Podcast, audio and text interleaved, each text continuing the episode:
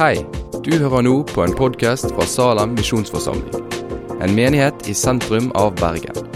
Vil du vite mer om oss eller komme i kontakt med oss, gå inn på salem.no. Halloen. Jeg, jeg heter Lydia. Eh, Jeg har ikke iPad, så det tar ikke så lang tid. Og ehm, Lydia betyr 'kvinnen ved vannet'. Det var ikke så mye å lese inn i det. Når jeg gikk på bibelskole, så jobba jeg deltid på kjøkkenet på bibelskolen. Så en av bibellærerne vitsa med at det var kvinnen ved oppvaskvannet, egentlig. Så eh, ja, der er det den. Um, jeg har lyst til å bare be litt til før jeg begynner. Hellige Ånd, jeg ber om at eh, du må komme nær og gjøre, gi oss det arbeidet som oss ikke kan gjøre sjøl, Jesus. Be om at du må åpne hjertene våre, og at det må være dine ord som kommer til oss i dag. Rens ordene for alt som ikke er fra deg, Jesus. Eh, Tal til vårt hjerte åndelige sannheter som du vil vise oss i kveld, far. I ditt navn. Amen. Jeg satt, når jeg forberedte meg og tenkte på eh, hva er mitt sterkeste lovsangsøyeblikk som jeg kunne komme på. Eh, og det er veldig mange. Men for to år siden da var vi en gjeng i London. Og eh, vi var i Royal Albert Hall. Um, og temaet for den var en lederkonferanse. Og temaet det var eh, unity, tror jeg. Eller noe sånt. Burde huske det. Unity. Så det var folk fra hele verden, fra alle mulige kirkesammenhenger.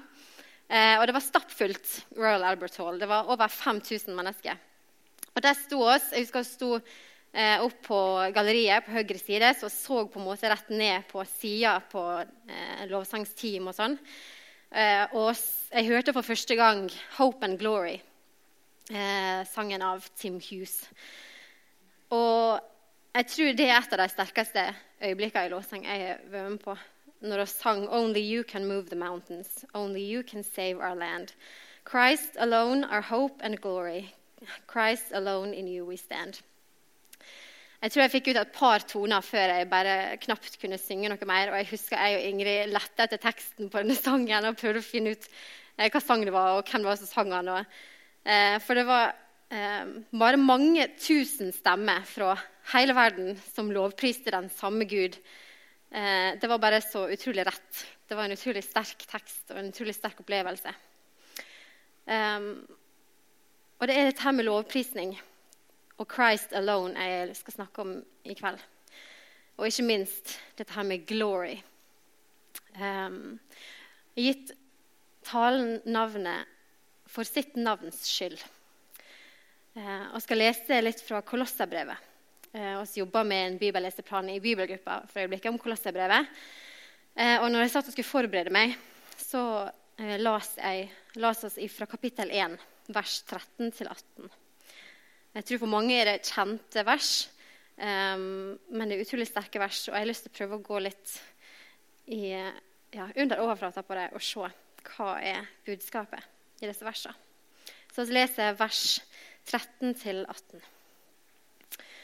Han har fridd oss ut av mørkets makt og ført oss over i sin elskede sønns rike. I ham er vi kjøpt fri og har fått tilgivelse for syndene. Han er bildet av den usynlige Gud, den førstefødte før alt det skapte. For i ham er alt blitt skapt, i himmelen og på jorden, det synlige og det usynlige. Troner og herskere, makter og åndskrefter. Alt er skapt ved ham og til ham. Han er før alt, og i ham blir alt holdt sammen. Han er hoden, hodet, hodet for kroppen, som er kirken.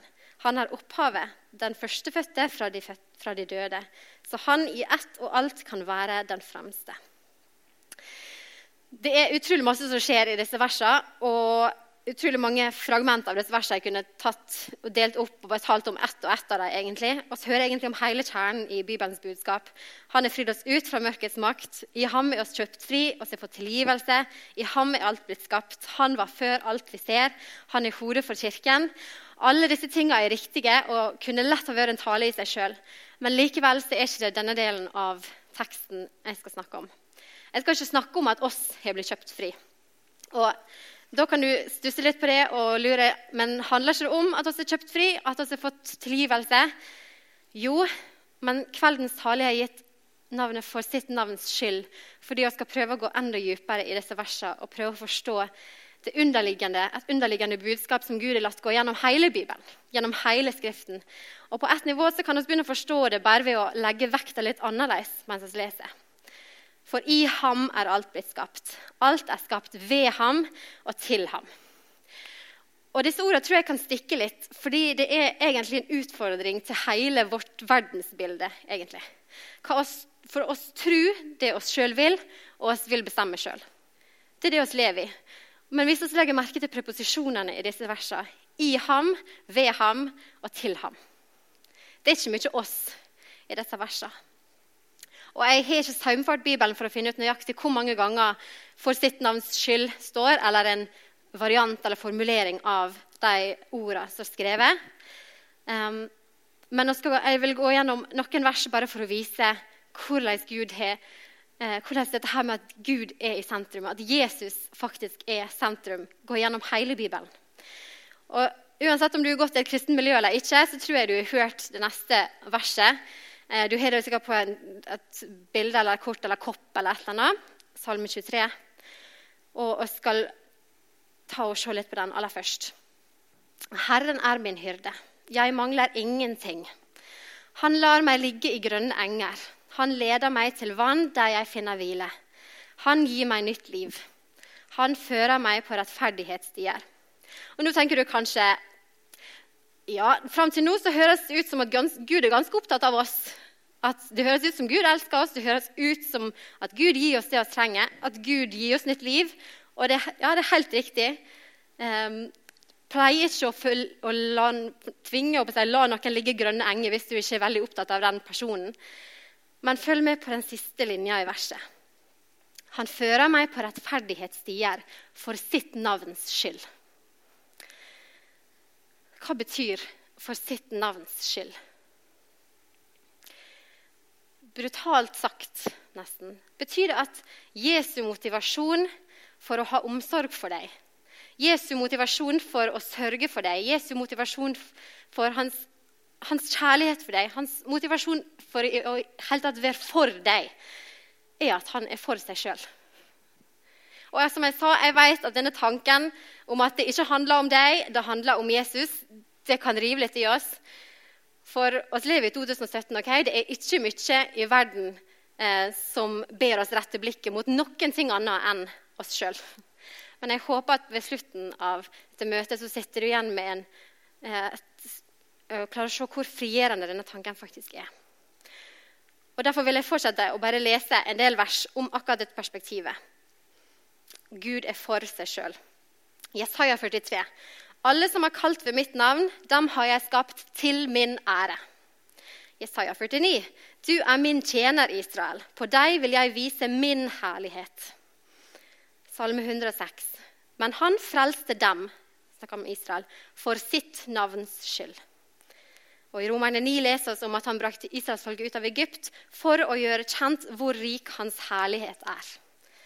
Esekiel 20 forteller også om Gud som førte Israels folk ut av Egypt. Jeg gjorde det for mitt navns skyld, så det ikke skulle vanhelliges for øynene på de folkeslagene som så at jeg førte israelittene ut. Først i Samuel 12, 22. For sitt store navns skyld vil ikke Herren forkaste sitt folk. Johannes 7, 18. Den som taler ut fra seg selv, søker sin egen ære. Dette går også litt inn i det jeg skal snakke om, så hold fast i den. Den som taler ut fra seg selv, søker sin egen ære. Men den som søker ære for den som har sendt ham, taler sant. Og det finnes ikke urett hos ham. Matteus 5, 16 og Peter 2, 12 forteller at vi skal gjøre gode gjerninger og prise vår Far i himmelen. Og til slutt jeg kunne tatt mange flere, men første går rundt brev 10.31 ganske kjent for mange. sikkert. Men enten dere spiser eller drikker, eller hva dere enn gjør, gjør alt til Guds ære. Gjør alt til Guds ære. Helt fra begynnelsen ble mennesket skapt til å stole på Gud og til å ære Gud.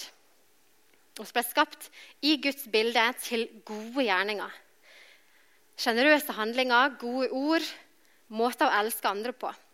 Jeg tror ingen her blir overraska når vi leser i Efeserbrevet 2,10.: For vi er Hans verk, skapt i Kristus Jesus til gode gjerninger, som Gud på forhånd har lagt ferdige for at vi skulle vandre i dem.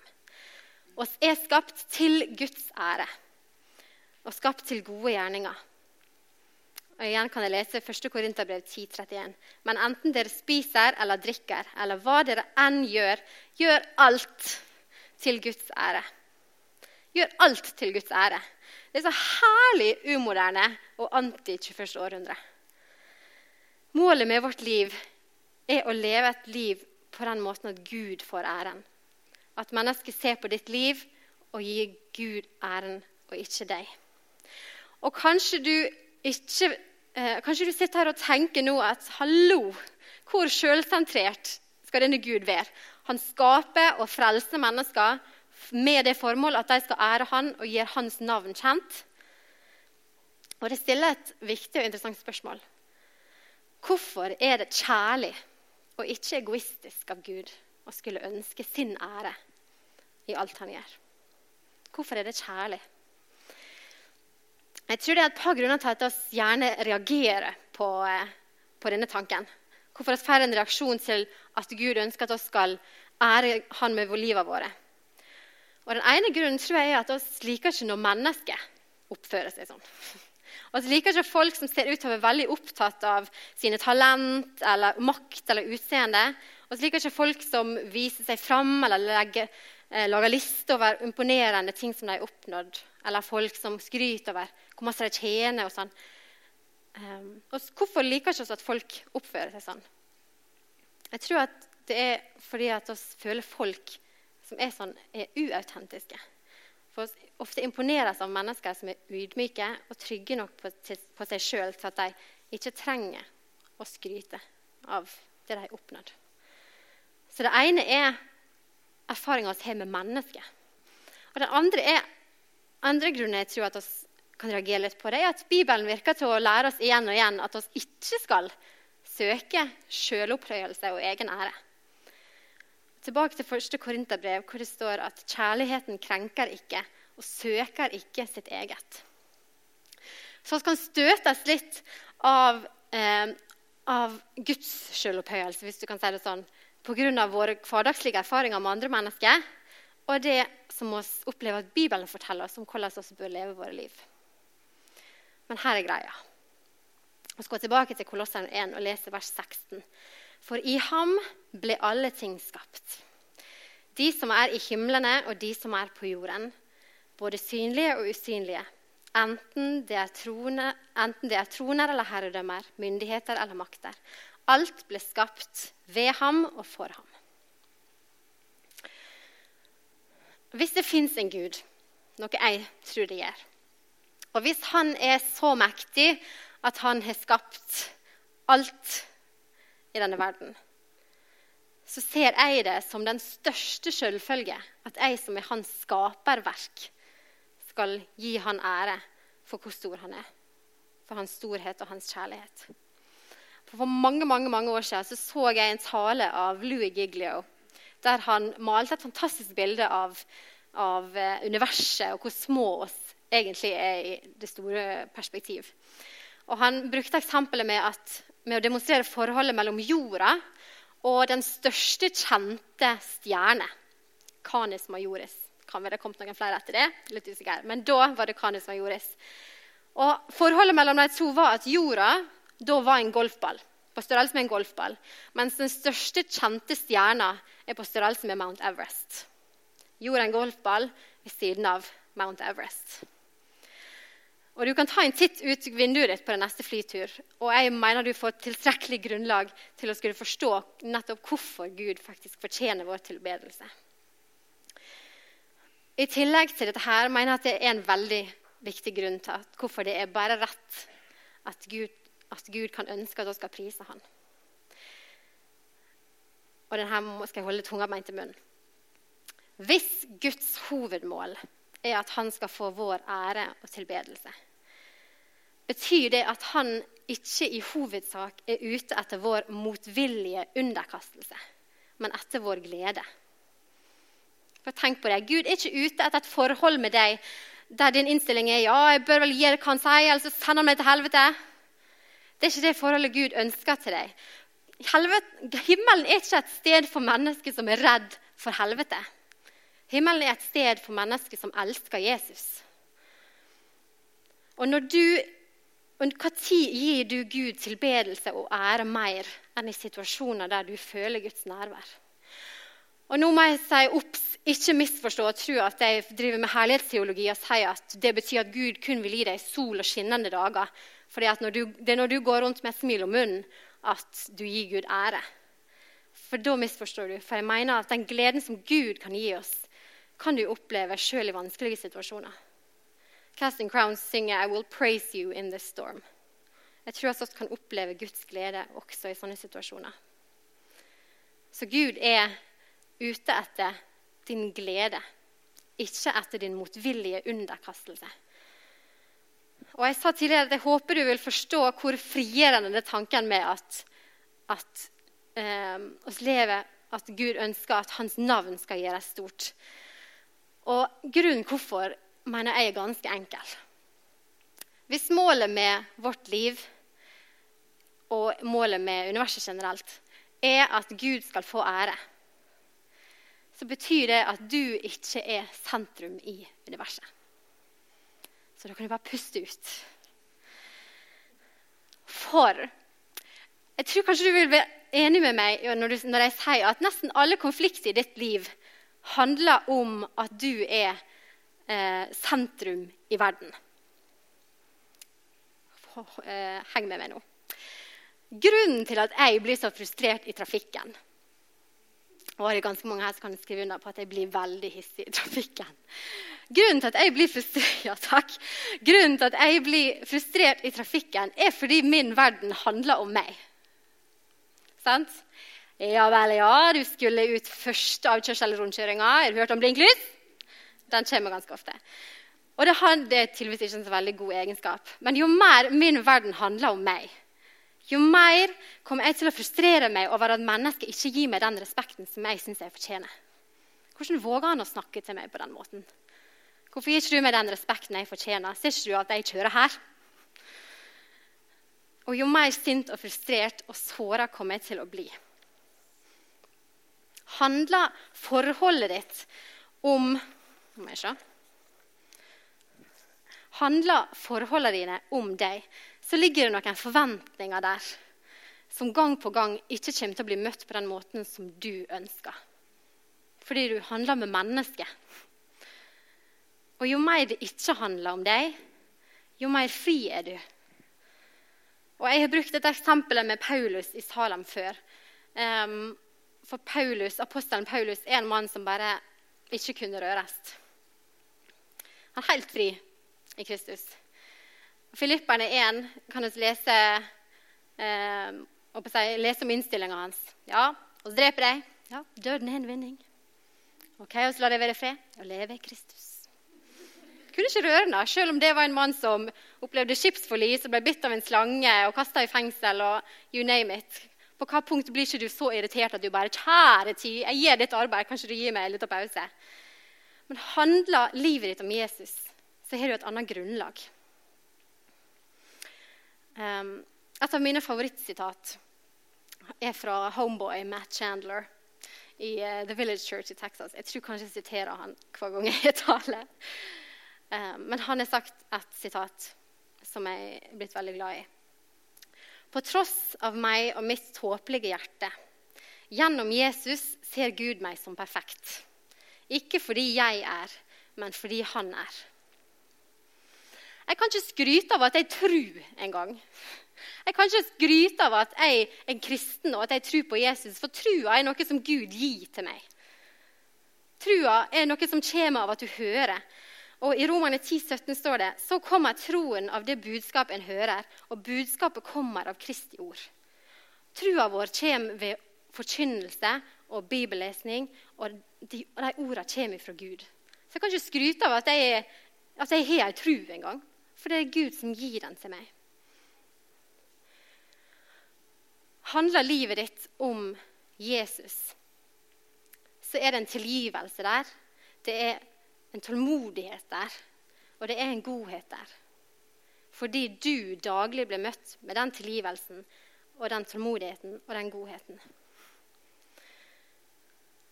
For her er et newsflash. Det er ingen synd i din fortid, din nåtid eller din framtid som kan toppe kraften som kommer fra korset. Ingenting. Så hvis du er en kirkeperson, men ikke en Jesus-person, så verker hjertet mitt for deg. Det er som å stå utafor Old Trafford og aldri få gå på kamp. For å si det enkelt. Hvis du er en kirkeperson, men ikke en Jesus-person, så syns jeg synd i deg. Johan Sebastian Bach skrev nederst, eller øverst, på alle sine noter, komposisjoner, SDG. Soli deo gloria. All ære til Gud alene. Det er ikke sjølsentrert og egoistisk av Gud å ønske ære. Det er et naturlig rop fra oss som er hans skaperverk. Alt du har, og alt du er, kommer fra Gud. Han er så uendelig kjærlig, uendelig hellig. Han fortjener så uendelig vår pris. Så håper jeg at det på samme måte som opplevelsen i Royal Albert Hall, at her i Salem det kan bli et ekko av vår lovprisning tilbake til Gud, som fortjener all den æren. Det var be til slutt.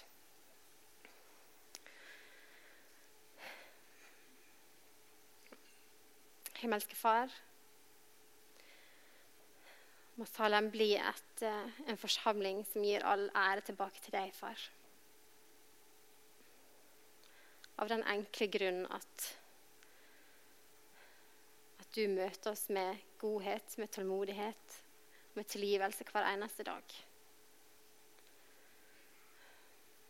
Hjelp oss til å innse at uansett hvor mye oss prøver, hvor mye oss ønsker å være gode kristne, gode mennesker Jesus, så vil den eneste grunnen til at du elsker oss, være pga. Jesus. Vi kan prøve så hardt vi kan, men den eneste grunnen til at du elsker oss akkurat som vi er, er pga. Jesus. Jesus.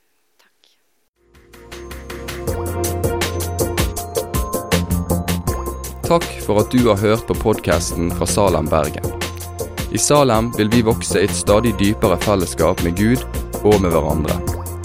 Vi vil være Jesu hender og føtter, og vi vil være med å forkynne frelse for Bergen og resten av verden. Besøk oss gjerne på salem.no om du vil vite mer.